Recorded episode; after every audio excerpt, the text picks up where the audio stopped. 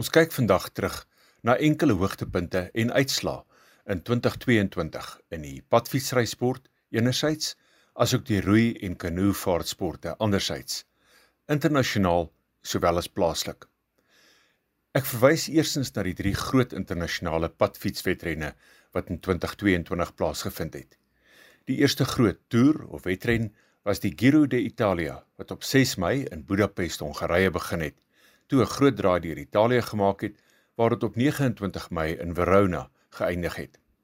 Dit was die 105ste keer wat hierdie wedren plaasgevind het en dit is vanjaar gewen deur Jay Hindley van die Bora Hans Grohe span wat sy eerste Giro titel verower het. Asook die eerste keer ooit wat hy een van die sogenaamde 3 Grand Tours, oftewel die drie groot fietswedrenne kon wen. Arnaud Demar van Frankryk en die Groupama FSJ span het die punteklassifikasie gewen. Die Nederlander Koen Bouman van die Jumbo Visma span was die koning van die berge. Die tweede van die drie groot fietswedrenne was die 2022 weergawe van die Tour de France. Dit was die 109de keer dat hierdie koning van padfietsrenne plaasgevind het. Die 2022 Tour de France het op 1 Julie in Kopenhagen, Denemarke weggespring en hierdie wegspring in Denemarke was simbolies van wie die geel trui 3 weke later op Sondag 24 Julie op die laaste dag op die Champs-Élysées in Parys gedra het. Die 2022 Tour de France is naamlik deur Denemarke se Jonas Vingegaard van die Jumbo-Visma span op oortuigende wyse gewen. Dit was sy eerste oorwinning in hierdie wedren. Tajas Pogačar van die UAE Emirates span, die verdedigende kampioen, het in die tweede plek klaargemaak en die Walliser Geraint Thomas van die Ineos Grenadiers span het derde geëindig. Dit was die eerste keer sedert 1989 dat die eerste 3 plekke op die podium in Parys bekleed is deur 3 ryers wat almal reeds van tevore op die podium in Parys gestaan het. Die eerste week van die wedren is deur België se Wou van Aert oorheers voordat eers Pogačar en uiteindelik Vingegaard die geel trui oorgeneem het. Die wedren is beïnvloed deur betogings teen klimaatsveranderings en simbolies en tekenend daarvan het 'n hittegolf van 40 grade die fietsryers gedurende 'n gedeelte van die wedren getuister. Die punteklassifikasie is deur Wou van Aert gewen met 480 punte, terwyl Wingegaard ook die koning van die berge afdeling gewen het. Suid-Afrika se Louis Mentjies het briljant gery en was tydens die tweede week gedurende die bergpasse gedeelte van die wedren 'n ernstige aanspraakmaker om onder die eerste 3 plekke in Parys te eindig.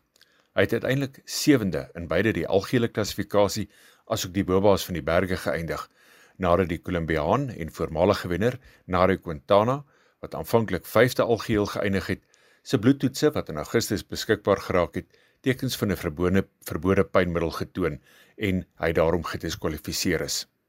Nog 'n Suid-Afrikaner, Reinhard Janse van Rensburg, het die 2022 Tour de France in die 131ste posisie voltooi. Op 24 Julie, die laaste dag van die Tour de France, is daar geskiedenis gemaak toe die eerste uitgawe van die Tour de France Femme, die vroue weergawe van die Tour de France, weggespring het met die eerste van 8 skofte. Die vroue Tour de France was 'n dawerende sukses en is oorheers deur veral drie Nederlandse fietsryers: Annemiek van Vleuten van die Movistar span wat eerste in die algehele punte klassifikasie geëindig het, met Demi Vollering van SD Works in die tweede plek en Katarzyna Niewiadoma van Pole in die derde plek. Die punteklassifikasie is deur nog 'n Nederlander, Mariaan Vos van die Jumbo Visma span gewen, terwyl Vollering en van Vleuten onderskeidelik eerste en tweede in die bergklassifikasie geëindig het. Ook in die Tour de France Femme het 'n Suid-Afrikaner blink vertoon en was Ashley Moman Passio met die aanbreek van die bergklimskofte nog algeheel 5de, kort agter haar SD Hoek spanmaat Demi Vollering. En almal het verwag dat Moman Passio, wat 'n bergklim spesialis is, haar posisie in die algehele klassifikasie selfs verder sou verbeter het in die berge. Sy is egter deur 'n siekte wat op daardie stadium bloot as 'n infeksie aangedui is, gedwing om voor die aanvang van die laaste skof te onttrek. Alhoewel Moman Passio haar onttrekking natuurlikerwys as 'n groot teleurstelling beskryf het, moet dit niks wegneem van wat nog 'n wonderlike jaar vir hierdie 37-jarige Suid-Afrikaanse fietsryer was nie. Sy was in Oktober 2022 die eerste wenner ooit van die Tour de Romandie in Switserland, waar sy ook die tweede skof algeheel gewen het. Sy het die derde plek in die Straat Bianchi padwedren verower en sy het in 4 verdere internasionale padwedrenne vierde geëindig.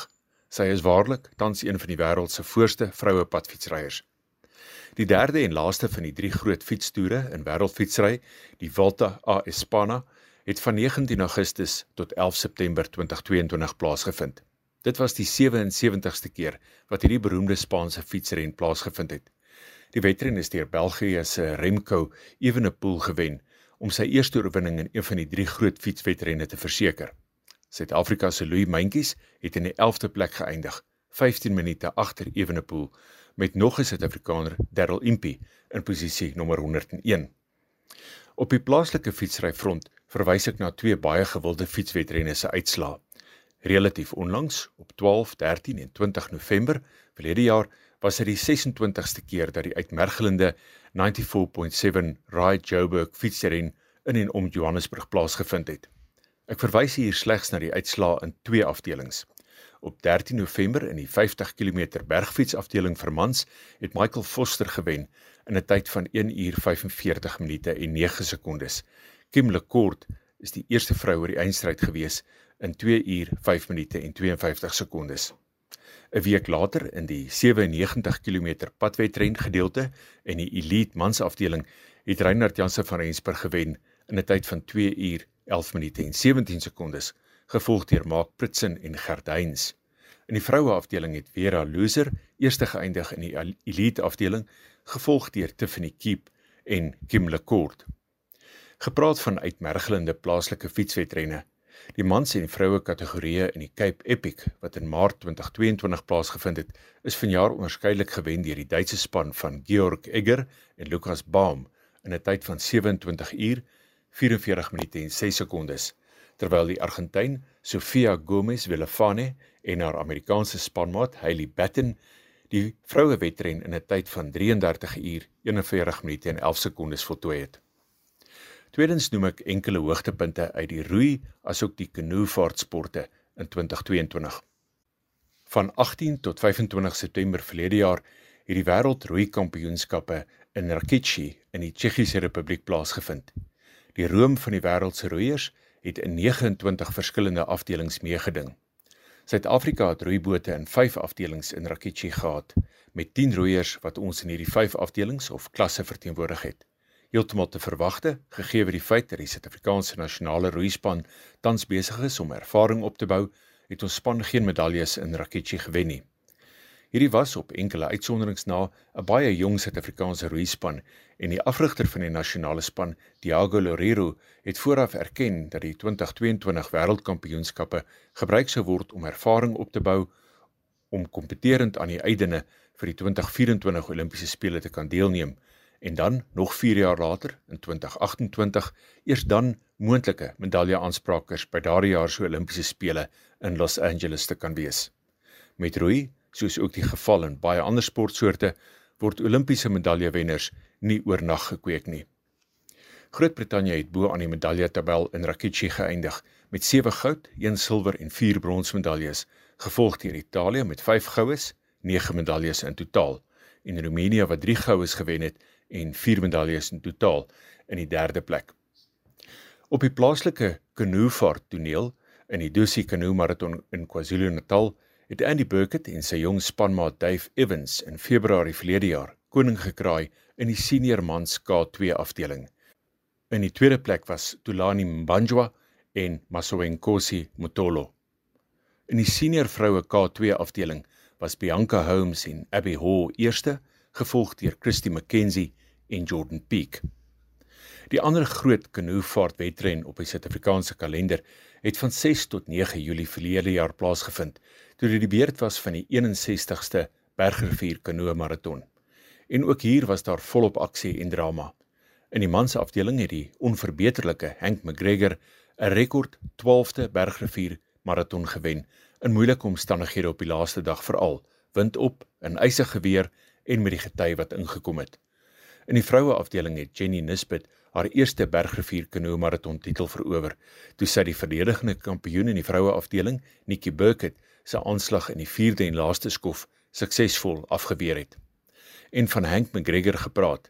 Hy en sy eggenote Pippa, asook ander Suid-Afrikaanse meestersroeiers, het in September verlede jaar in Portugal by die Wêreldmeesters roei kampioenskappe blink vertoon en 9 medaljes ingepalm, 4 waarvan goud was. En dit was juis Hank en Pippa McGregor wat in die laaste item van die kampioenskappe in die gemengde K2 item die goue medalje ingepalm het. Dit is vereers Heinrich Schulze in Pretoria vir RSG Sport.